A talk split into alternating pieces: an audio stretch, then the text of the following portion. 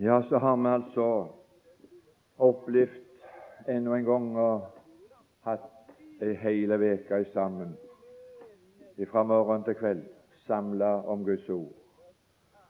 Og det har gått som en drøm, og drømmene de går så fort. Og nå er det hele over, men ikke ganske. Vi har altså Ja, vi har eh, det siste av Herrens høytider, sa Jesus at han kom til den siste, og det, den siste det var den store dag i høytiden. Og hadde, Jeg hadde ikke lyst til å reise ifra dette bibelkurset, fra disse festdagene som vi har fått lov å kjent oss kalt inn til å holde fest og høytidsfest aldeles en hvile og få hvile seg ut på et grunnlag som Gud har lagd, som Han inviterer syndere, utslittne mennesker. Så har Han forskjellige grunnlag til oss. og sier og kom nå inn og samla deg til meg på dette grunnlaget, så skal du ikke bare få hviledag, men det skal bli en høytidsdag, altså, så du absolutt ikke gjør noen ting. Absolutt ingenting gjør. Det er da det, det, er, da det er topphøytider når vi hviler, og, og ikke bare hviler, men altså at det er måltid, og det er festmåltid. Er det løye at du blir feststemte når det er slik du slipper altså streve med kampen for det daglige brød, og slipper å ha problemer med noen ting? Altså, det er noen som er så, så, så god verdt at de sørger for oss, sånn som de har gjort på det materielle området her. Det ligner litt på Herren. De er Herrens etterfølgere. De har lært av Herren. Ja, ja, bare en liten bitte repetasjon av Herrens høytider. Og Når det gjelder det, så, så er det mange Jeg vet ikke hvor mange det er, altså, men jeg har iallfall registrert at det er en hel del av kursusdeltakere som syns det er en utilfredsstillende måte å utrede emnene for hver dag om disse høytidene. Og Det har jeg sagt at det er så utilfredsstillende som det på noen måte kan. Og det er mange som har mye utfyllende opplysninger i så måte, og mange som ser ting der som jeg ikke ser. Men det som jeg har gjort disse dagene, jeg har prøvd å gjøre deg oppmerksom på den vidunderlige sannhetsverden, den vidunderlige åndelige verden, de vidunderlige åndelige sannheter som der ligger skjult i den historiske beretning i Tredje Mosebok 23 som fortelles om Herrens høytider. Bare en liten repetasjon. Det første grunnlag som en synder kan få lov å hvile seg ut og oppleve høytid i sitt liv, det er å holde påske. Det er å komme på blodets grunn. Det er å komme bak de blodbestengte dører. Meg til frelse jeg intet vet. Og da kjenner jeg samfunnet med en gang. Når de har det som grunnlaget for sitt samfunn med Herren andre høytiden etter det, det var at den som holder påske, han begynner umiddelbart dagen deretter eller timen deretter. For altså påskehøytiden holdtes mellom de to aftenstunder, mellom den 14. og den 15. Og når du altså var ferdig med påske, så var det den 15. Og da var det det usyrede brøds høytid. Så alle som begynte med påske, de fortsetter med usyrede brøds høytid kan ikke gjenta det, men du verden for en vidunderlig høytid å holde høytid med sannhets- og renhets usyrede brød, som er det brød som kom ned ifra himmelen, og den som eter meg, sa Jesus, han har evig liv. Jeg kan ikke si det. Bare repetere. Her er det, det, her er det så dyrt. Det er dette jeg har prøvd, altså. Og den som syns det lite tilfredsstillende og lite tilstrekkelig utredning, kan jeg bare beklage, men du får fortsette sjøl, altså. Så får du streve deg fram. Jeg har iallfall gjerne sett deg på sporet. Og så var det den tredje høytid. Det var, det var førstegrødens høytid. Det var, og det er ikke Arnold Bjerkheim sin fortolkning av at dette, er, dette betyr ditt og dette betyr datt, men det er Bibelens fortolkning av Bibelen. Og I Det nye testamentet står det altså at det er Kristus, når han sto opp ifra de døde, som er blitt førstegrødens høytid. Det hadde aldri vært sånn da profetisk oppfyllelse. Og den åndelige betydning og den personlige betydning det har hatt for meg, kan jeg ikke gi en tilfredsstillende utredning for noe menneske, men det er bare godt. Og så prøvde jeg å dele det.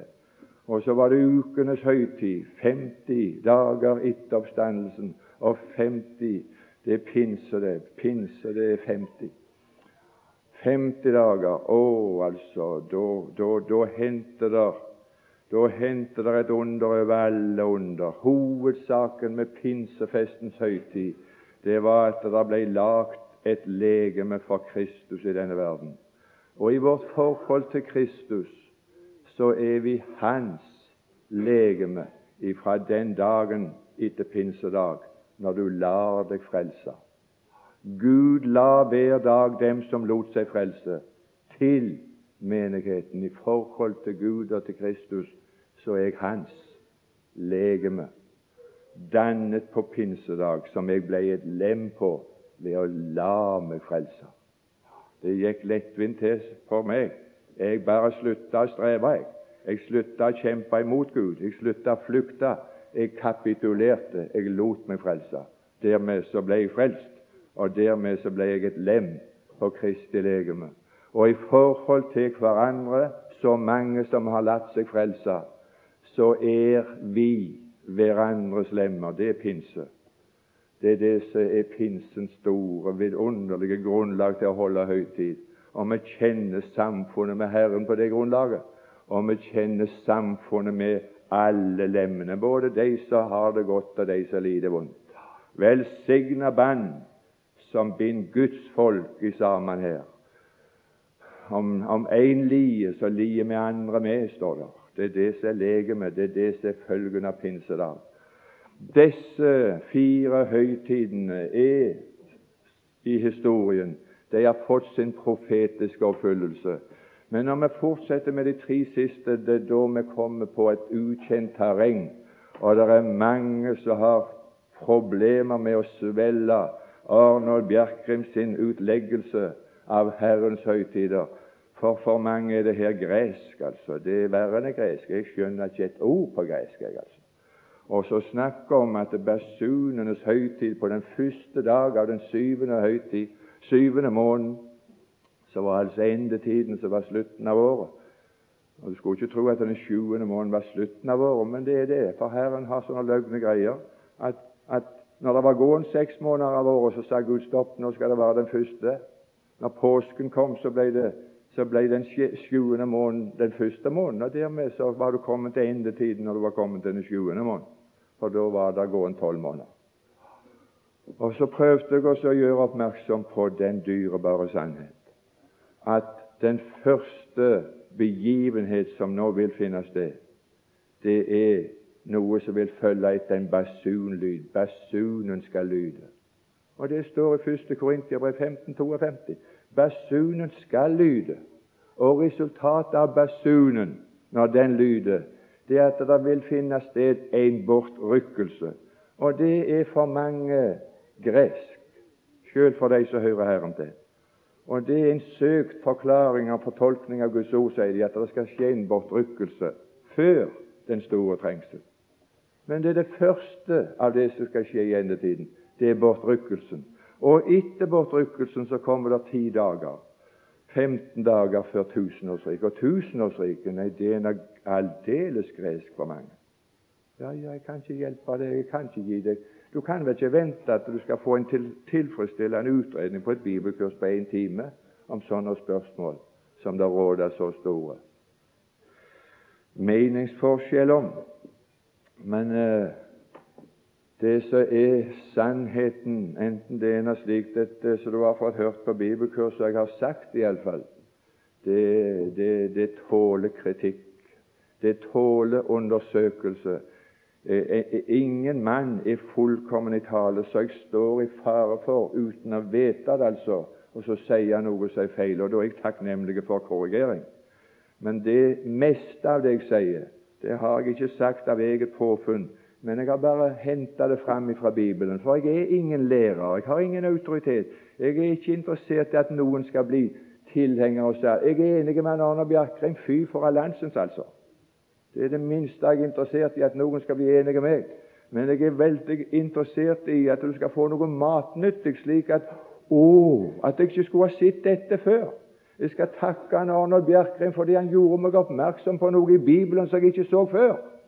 Og Hvis det kunne være til tjeneste for deg, altså, så hadde jeg lyst til det. Og bortrykkelsen er det mest dyrebare sannheten for han Arnold Bjerkreim. Jeg venter å høre så er vi bortrykket. Og den neste begivenhet, altså etter bortrykkelsen, det er samlingsdagen for Kristi domstol. Og det blir en av de største høytidsstunder for Guds folk. Ikke å skjule seg ved Kristi domstol. Når jeg for din domstol står, klipper du som brass for meg, la meg gjemme meg i deg. Det har du, har du, har du trang til å føle behov for her. Men ingen skal føle noe behov for å skjule seg ved Kristi domstol. Men alle skal finne en tilfredsstillelse ved å åpenbares ved Kristi domstol. For den som møter fram der og blir med i det møtet, han er på ditt tidspunktet likedannet Hans sønns bilde. Vi er blitt ham lik. Vårt fornedrelseslegeme er på det tidspunkt forvandlet og gjort likt med Hans herlighetslegeme. Det skulle bare mangle når vi liker Jesus, at vi skulle føle trang til å skjule oss. Nei, vi skal åpenbares ved Kristi domstol. Er det ikke dyrebart? Ja, Hvis du ikke syns det er godt, så syns jeg synd på deg. Jeg kan altså ha medynk med de som ikke kjenner det, men hvis du kjenner det og ikke syns det er godt, da har jeg medynk med deg. altså.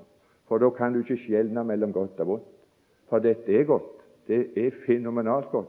Og det er godt for alle som hører Herren. Tenk, jeg kan se framtiden i møte og åpenbares for Guds domstol. Og det skal bli et høytidsstund for meg, fordi når jeg åpenbares der, så er jeg forvandla. Så er jeg Jesus lik. Kan du tenke deg noe så godt?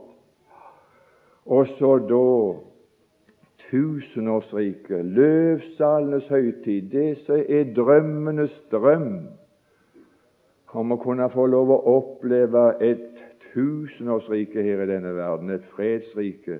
Nå skal ikke jeg si noe om det. Minuttene flyver så hurtig, og aldri de kommer igjen, altså. Og nå har jeg noen av de siste dyrebare minutter til min rådighet.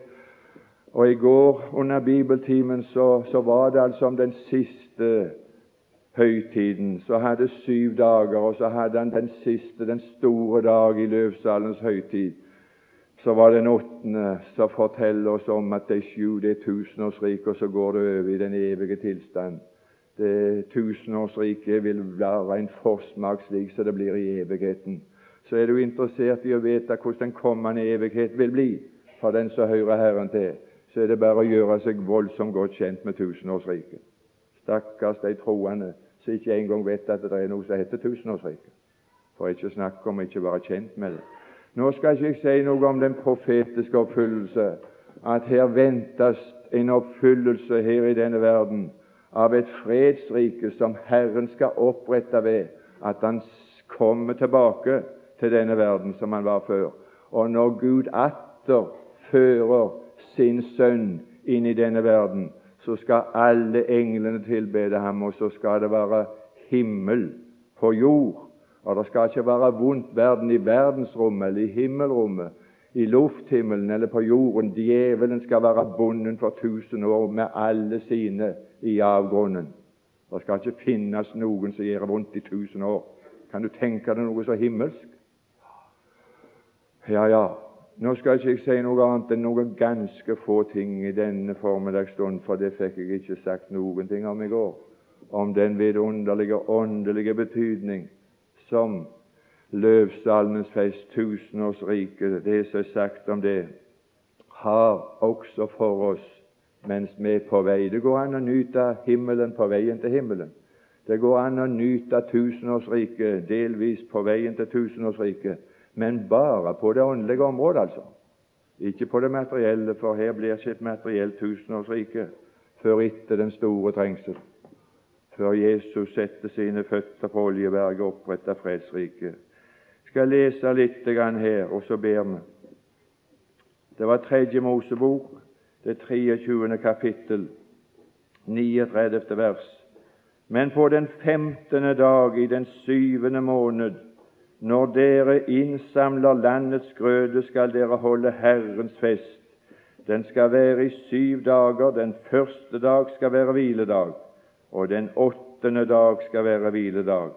Og den første dag skal dere ta frukter av fagre trær, palmegrener og kvister av løvrike trær, og siljer som vokser ved bekkene, og dere skal være glade for Herrens eder Guds åsyn i syv dager. Denne høytid skal dere holde som en fest for Herren syv dager om året. Det skal være en evig lov for eder, fra slekt til slekt. I den syvende måned skal dere holde den, og dere skal bo i løvhytter i syv dager. Alle innfødte i Israel skal bo i løvhytter. For at eders etterkommere skal vite at jeg lot Israels barn bo i løvhytter da jeg førte dem ut av Egyptens land. Jeg er Herren eders Gud, Fader i Kristus Jesus. Ennå en gang ber vi om din velsignelse over dette avsnittet av ditt ord. La din ånd i ordet være, og signe stunden, frelser kjære. Det skal komme en sånn periode her i denne verden. Det kommer av og til noen mennesker når det er noe kritisk som hender på det politiske området, så kommer det folk som kjenner meg inn på forretningen av og til. Og så i samtalen så er de spente, og så spør de meg hvor skal dette ende. Hva er det som kommer til å skje? Hvor skal det ende? Og det er mest ikke en dag på himmelen uten at folk spør hvordan skal det gå. Hvordan skal det ende, dette her greiene? Det blir jo kaos og elendighet. Det eneste som jeg er sikker på, som jeg vet Jeg vet hvorledes verdenshistorien skal ende. Det skal ende med et tusenårsrik. Er det ikke velsigna godt å vite det? Det skal ikke ende i kaos. Det skal ikke ende i vanære. Det skal ikke ende på den måten, men det skal ende i et fredsrike som skal være ved i tusen år, hvor det ikke skal være noe vondt, hvor det ikke skal være noen sykdom, det, ja, ja, hvis det er noen som er syke, så skal de iallfall bli helbredet. Det skal være helbredelse for all sykdom og for all skrøpelighet. For en vidunderlig framtid. Men nå var det jeg hadde lyst til å dele bare konsist noen få åndelige, dyrebare sannheter i denne forbindelse. Det første som de skulle få lov å oppleve i tusenårsriket, det var at menneskene skulle få lov å bo i løvhytter. Og de løvhyttene de skulle få lov å bo i, det var av, av trær som var løvrike, og det var av fagre trær. Og nå har vi en forsmak på det åndelige området, at vi får lov å oppleve en sånn et sånn vidunderlig løvsalenes høytid hos Herren, vi som hører Herren til at vi får lov å bo i løvhytter av sånne fagre trær. Og det første som jeg får lov å bo i, det er i ei hytte av oljetrær. For hvis du leser kanskje Jeg bare henviser til Nehemias, det åttende kapittel og det femtende vers, at de gjorde løvhytter av oljetrær, og så bodde de i dem. Og Når det gjelder olje og oljetrær i Bibelen, så er det uten at det kan diskuteres. altså Det er et symbol på Den hellige ånd. Og Når det gjelder den Herre Jesus, så var det profetert om han i Esaias det ellevte kapittel og det andre vers at Herrens ånd skal være over ham når han kommer. Og den ånd som skulle være over Guds sønn når han skulle være her i denne verden, så skulle han bo og være i Den hellige ånd, visdomsånd, forstandsånd, rådsånd og styrkesånd. Det var den Herre Jesus sitt privilegium når han bodde her i denne verden. Han slapp å vente til tusenårsriket for å få lov å bo i den løvhytta.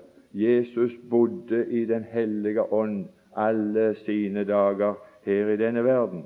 I tusenårsriket så skal Herren utgyte sin ånd over alt kjød. Ikke bare ei. I dag altså så er det forkynnelse som går ut på det, altså at vi kommer vi opplever oppfyllelsen av profeten Joel 3 nå, for vi kommer til de siste dager, og i de siste dager så skal Gud utgyte sin ånd over alt kjøtt, Kapittel 3 i Joel. Men kapittel 3 Joel i første vers så forteller det forteller hva tid Herren skal utgyte sin ånd over all kjøtt. Og det slettes ikke nå. Det er ikke før det har hendt som står i kapittel 2.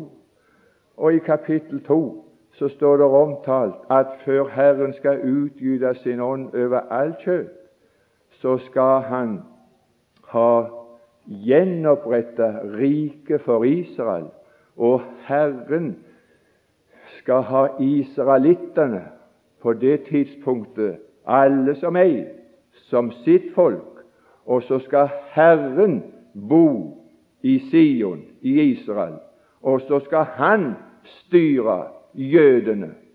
Det gjør han ikke i dag. Han hadde sett annerledes ut i dag, det kan du være sikker, hvis det var Gud som bodde i Israel. Hvis det var Gud som var regjeringssjef i Israel, så hadde det ikke vært slike tilstander som det er. Men der kommer en dag når, når, når, når, når hele Israel skal bli frelst på én dag, og at han har gjenoppretta riket for Israel, så skal det utgytes Herrens ånd over alt kjød. Men åndelig så hadde jeg lyst til å si denne dyrebare sannheten. Så er dette en felles høytid som er tilgjengelig for alt Guds folk i dag. For det er ingen i dag som ikke har fått Den hellige ånd, som er frelst. Efeserbrevets første kapittel og det trettende vers er det enkleste vers som jeg har funnet i Bibelen ved spørsmål om jeg har Den hellige ånd. Om jeg er så lykkelig at jeg får lov å bo i Den hellige ånd. Og der står det dette vidunderlige i ham har også i da jeg hadde hørt sannhetens ord om eders frelse. I ham har også i, da jeg var kommet til troen, fått Den hellige ånd. Og det er noe så evig underlig at jeg er i sammen med alle de andre som har hørt og trodd, så bygges jeg opp med de andre til en Guds bolig i Ånden. Tenk, jeg får lov å bo i Den hellige ånd. Tenk om altså at det hadde vært sant for alle mennesker, men det, i dag er det bare de som har latt seg frelse, som får nyte denne åndelige opplevelsen. Jeg får lov å bo i Den hellige ånd. Jeg får lov å be når jeg ber. Så ber jeg ikke til Den hellige ånd, men når jeg ber, så ber jeg i Den hellige ånd. Det er velsigna, det.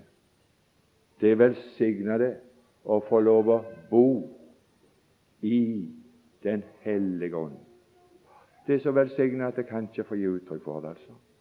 Det er altså en løvsalenes høytid som ikke var forbeholdt Kristus alene. Når han ba, så ba han i Den hellige ånd, og så sa han Abba, Fader. Da var han enbåren sønn. Men etter pinsedag så har Gud sendt Hans Sønns ånd i våre hjerter, som har lært meg å rope. Og så sier jeg Abba, Fader. Jeg skal ikke si mer om det, det, det, det klarer det ikke. Men så skulle de ikke bo i bare i trær av, i hytter av olje, men de skulle bo i løv av, av palmer. Og hva den åndelige sannheten i forbindelse med palme er, det Salme 92, 13, så står det at den rettferdige spirer som palmen. Hva vil det si? Hva slags høytid gir det meg i mitt liv på det åndelige området? At jeg får lov å bo i, i ei hytte av palmeblader. At jeg spirer som palmen, i motsetning til gresset, hvis herlighet er av en slik art at det visner og faller av. Og alt kjød er som gress. Dets herlighet er som herlighet på gress og visner faller av. Men jeg får lov å bo i ei hytte, i løv, i, i, i, i blader av palmer som spirer, og som aldri visner, og som aldri faller av. Skal du få høre noe av det som er vårt åndelige privilegium? Første Peters brev altså det er koselig òg av og til. Jeg må si jeg koser meg med Bibelen. Det er noen som sier at det har du ikke lov til. Du har ikke lov å kose deg med Bibelen. Skal du kose deg, så må du holde Bibelen vekke. Det var det forferdelig altså at det er rettere å kose seg uten Bibelen. Skulle jeg ha vond samvittighet hvis jeg koser meg med Bibelen? Men det er ikke bare at jeg koser meg med Bibelen, jeg gråter med Bibelen òg. Jeg, jeg, jeg, jeg, går gjennom gruelser og redsler. Det er bare spørsmål hva jeg leser.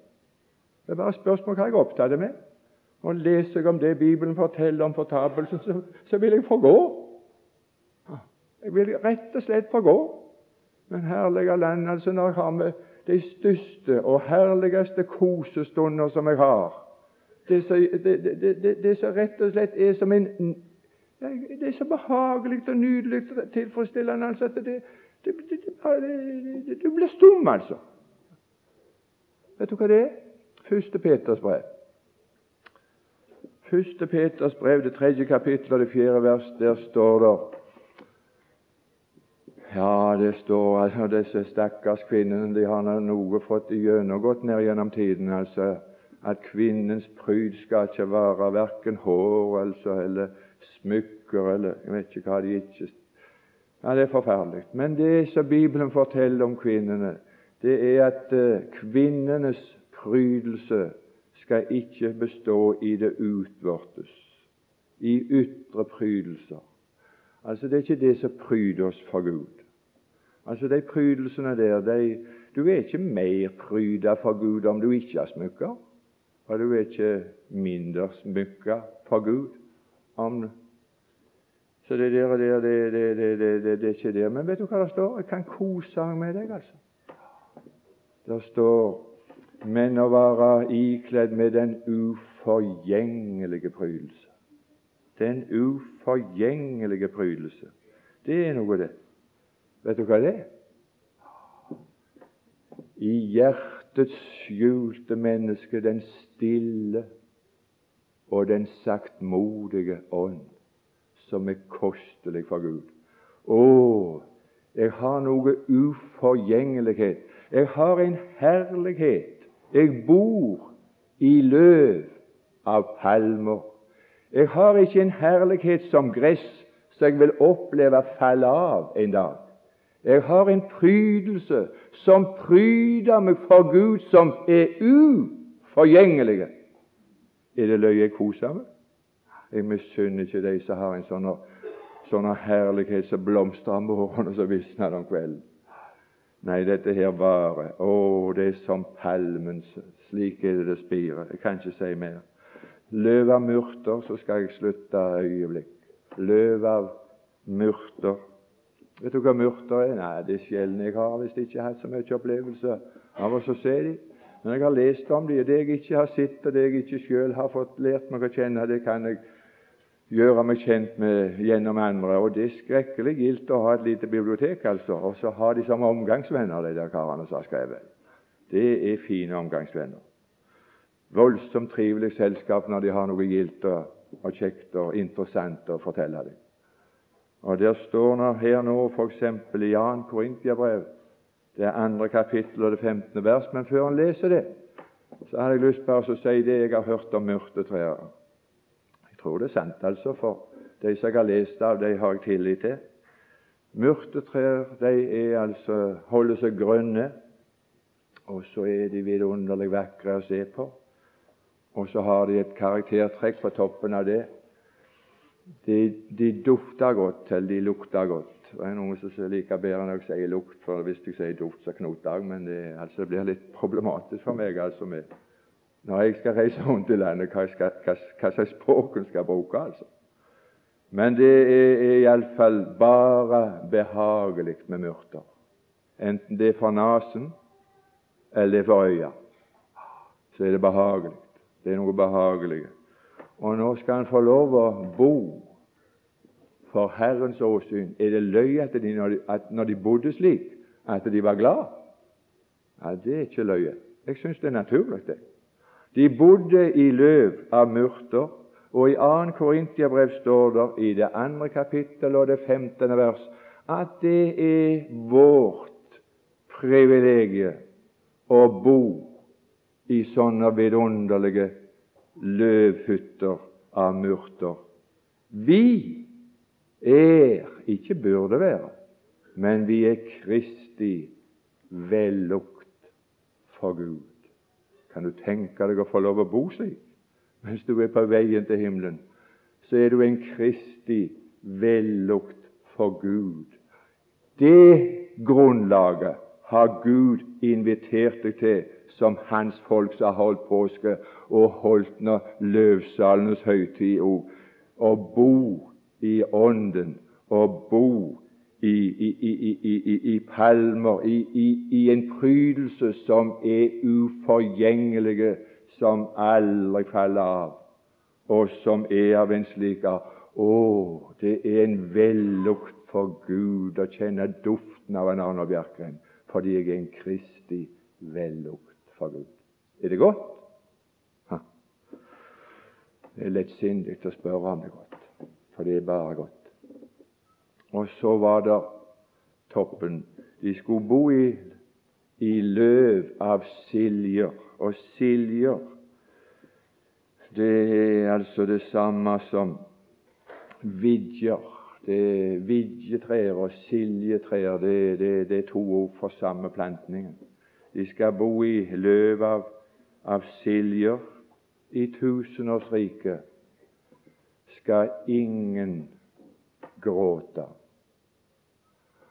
Han skal tørre hver tåre av deres øyne allerede de syv første dagene, og den åttende, den store dag. I evigheten så skal det ikke være gråt, og det skal ikke være tårer.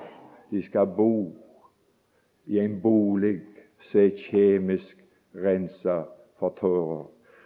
Altså På det åndelige området så er ikke er vi ikke privilegerte på denne måten ennå å få lov å bo i en bolig som befrir oss for tårer, og vi hører Herren til.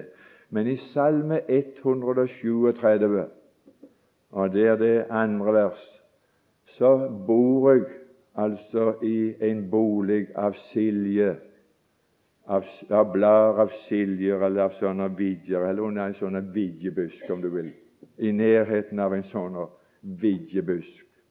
Og så står det på vidjene, på siljene, hengte vi våre herper. Det er ikke det samme hvor du gråter. Vet du hva det står? Der satt vi og gråt. Det er litt forskjell hvor du gråter henne.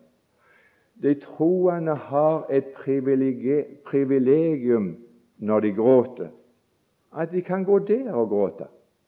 Vi hengte våre herper når det ikke var hjertetrang, når det ikke var stemning, når det ikke var grunnlag til å synge, når du ikke var vel til mote. For den som er vel til mote, han synger, og da henger han ikke herpa ifra seg. Men tar du herpa i bruk, så er det fordi du er i godt humør, og, og det ikke er tårer på kinn. Men så hender det for en troende at uh, det kommer tårer. Og så har han ikke bruk for herpa, og så henger han herpa ifra seg. Men hvor henger du herpa henne? Har du noen plass å henge herpa når du begynner å gråte? Når nøden kommer, når lidelsen kommer, har du et privilegert sted å gå og henge herpa di når du ikke har lyst til å synge, når du ikke har trang å synge. Du hører jo Herren til, og fordi du hører Herren til, så har du en anledning å bo i ei sånn siljehytte, i løv av siljer. De hengte sine herper på, på, på, på siljene. På vidjene hengte de. Der satt vi og gråt når Når når vi kom Sion i hu. Skal ikke si mer om det, men ei sangstrofe. Bare ei sangstrofe. Aller deiligst Sion er, hjemme er, når vi gjennom tårer ser. Hva vi lengtet, hva vi led. Det var lengsel, det var lidelse som gjorde at herpå ble hengende på vidjene. Og sangen de hadde ikke, de hadde ikke, Det var ikke fundament, det var ikke grunn til å synge.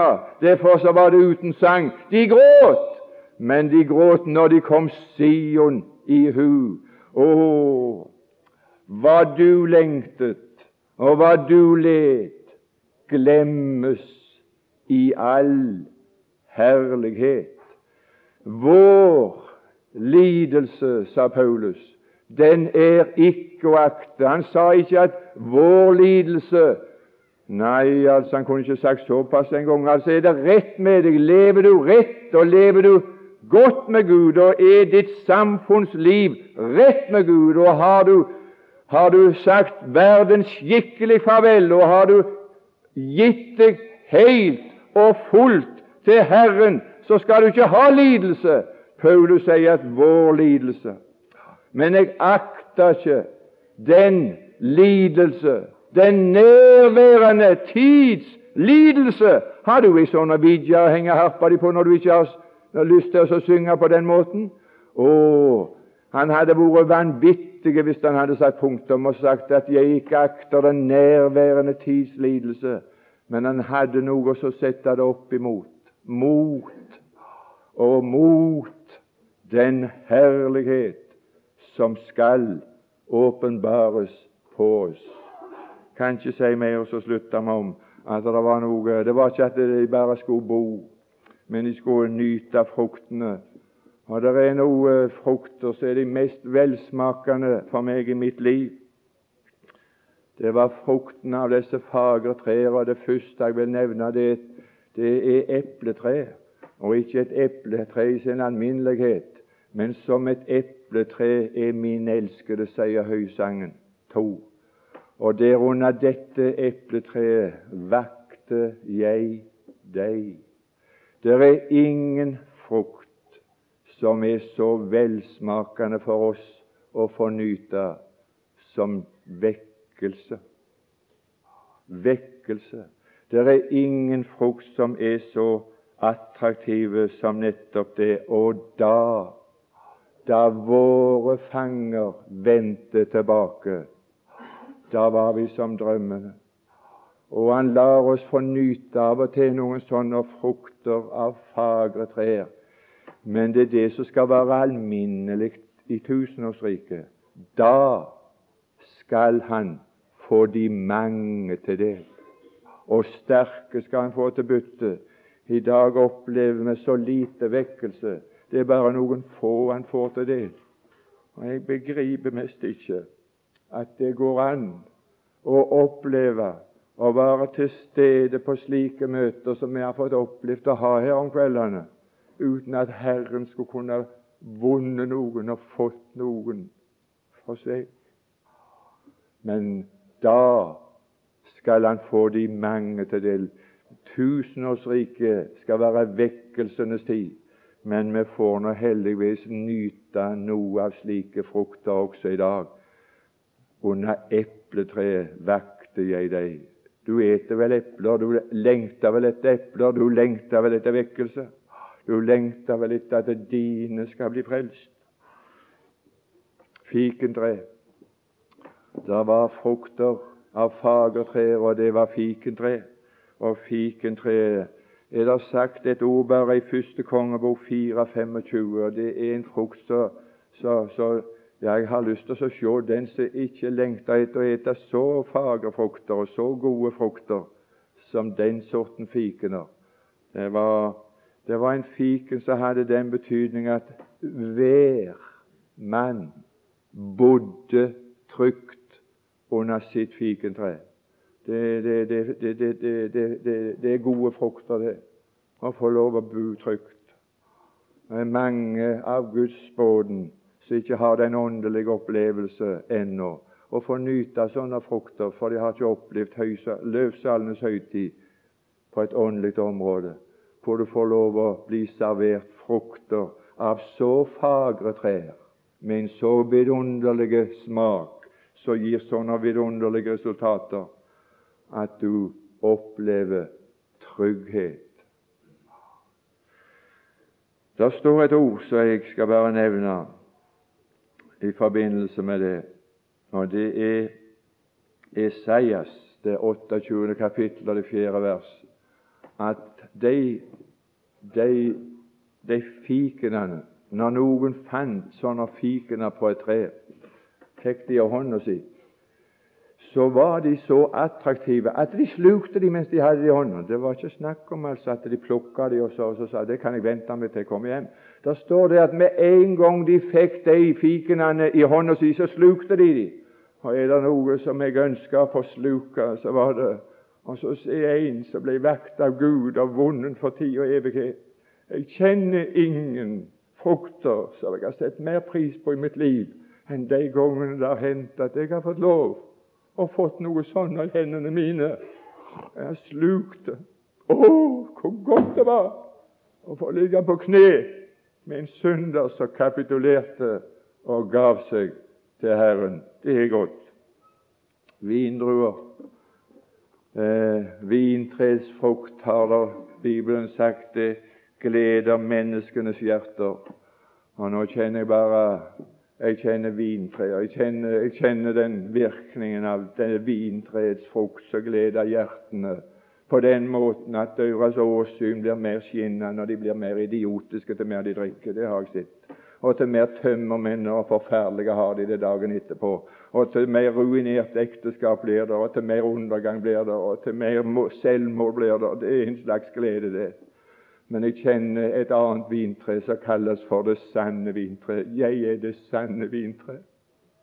Jesus, du har gitt meg glede i mitt hjerte som er større enn deres når deres most og korn øker i mengder.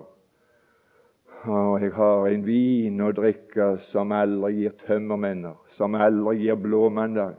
Blott drikk igjen, min sjel, det større kraft du får å svinge åndens verd når du i striden går. Og det som er kraften, og det som er styrken, det er gleden i Herren, som er eders styrke. Og jeg har bare å si da et ønske før jeg går ned og setter meg. Jeg skulle ønske du hadde fått smak på Guds ord, som kan gi deg slike vidunderlige frukter og føre deg inn i sånne vidunderlige åndelige boliger at du kan nyte veien på veien til himmelen. Herre Jesus, vi ber om dette i ditt dyrebare navn. Amen.